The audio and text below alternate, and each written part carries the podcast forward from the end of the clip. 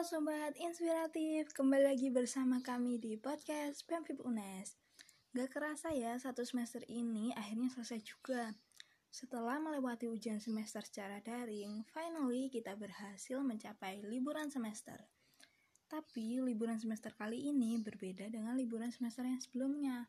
Karena kali ini kita akan liburan sambil berperang melawan COVID-19 Yang artinya kita akan liburan di rumah aja Meskipun sudah memasuki era new normal, bukan berarti kita bisa beraktivitas di luar rumah tanpa khawatir.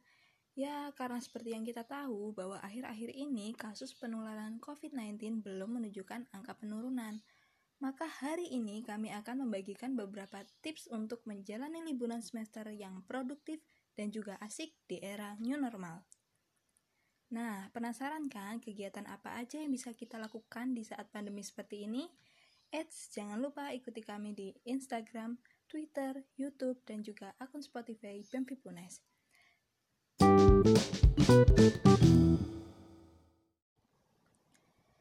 Oke, kita masuk ke kegiatan pertama yang bisa kita lakukan, yaitu virtual traveling. Pasti kalian udah gak asing lagi dengan kata-kata ini kan? Iya, bener banget. Virtual traveling itu merupakan kegiatan jalan-jalan secara virtual Terus, gimana caranya kita bisa jalan-jalan secara virtual?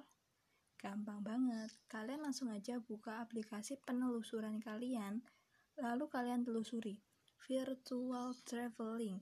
Nah, bakalan muncul banyak artikel yang menyediakan website-website untuk melakukan virtual traveling. Gak hanya di Indonesia, kalian juga bisa nyobain virtual traveling keliling dunia. Asik banget kan?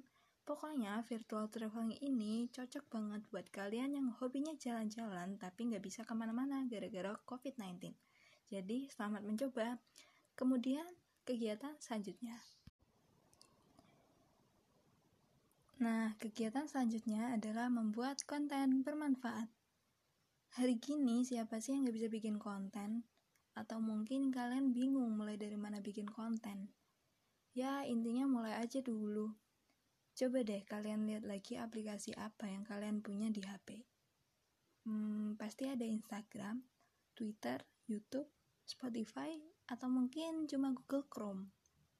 Nah, mulai dari situ kita bisa bikin konten bermanfaat. Secara sederhananya, misal nih kita menggunakan Instagram. Instagram ini berhubungan dengan visual, jadi kalian bisa bikin konten-konten berupa gambar atau video Kalian juga bisa tambahkan keterangan di captionnya. Atau kalian pengguna Twitter. Nah, kalau kalian pengguna Twitter, kalian bisa berbagi informasi dengan membuat tweet-tweet yang bermanfaat bagi banyak orang. Selain itu, ada juga YouTube. Udah tahu kan kalau YouTube itu tempatnya orang berkarya jalur video. Jadi kalian bisa bikin konten-konten berupa video untuk diupload di YouTube channel kalian uh, yang paling sederhana seperti membuat video tutorial. Video tutorial itu gampang banget.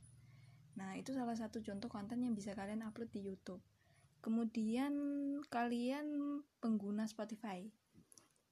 Kalian juga bisa membuat konten podcast seperti yang kalian dengerin saat ini. Kalian tinggal nyusun materi terus kalian rekaman audio terus kalian upload deh jadi podcast atau mungkin kalian yang cuma punya Google Chrome. Nah, kalau kalian emang gak pernah main sosmed, kalian juga bisa mulai dari sini, yaitu dengan cara membuat blog. Nanti dari membuat blog, kalian bisa membuat artikel-artikel yang berisi tentang informasi-informasi untuk banyak orang. Jadi nanti kalian bisa upload di blog kalian dan juga bisa bermanfaat bagi banyak orang.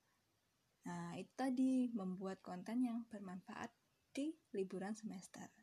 Kemudian kegiatan ketiga. Kegiatan ketiga yaitu mempelajari skill baru. Belajar skill baru atau keterampilan baru itu emang gak gampang. Tetapi ketika kalian berhasil menambah satu atau dua skill baru, itu sama aja menambah harga jual atau kualitas dari personal kalian. Nah, Buat kita sebagai seorang mahasiswa yang nantinya kita juga akan terjun di dunia pekerjaan, skill ini sangat dibutuhkan.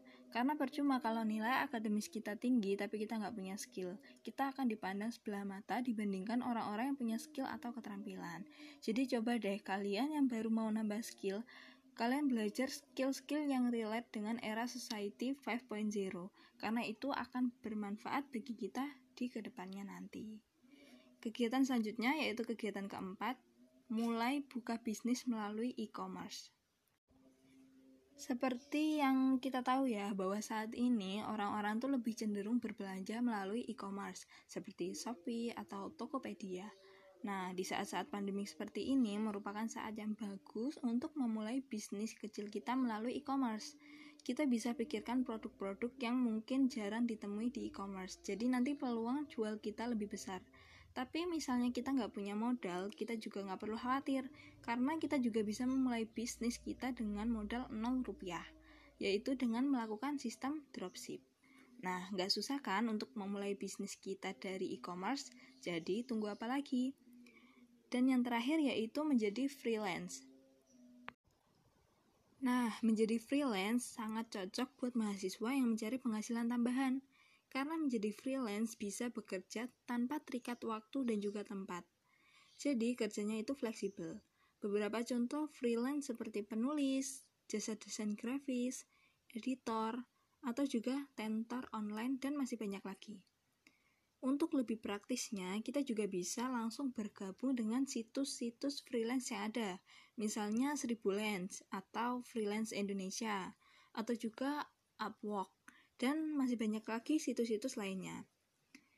Ya, itu tadi adalah tips untuk menjalani liburan semester yang produktif dan juga asik di era new normal. Jadi, selamat mencoba, selamat berlibur, sampai jumpa di episode selanjutnya. Salam inspiratif.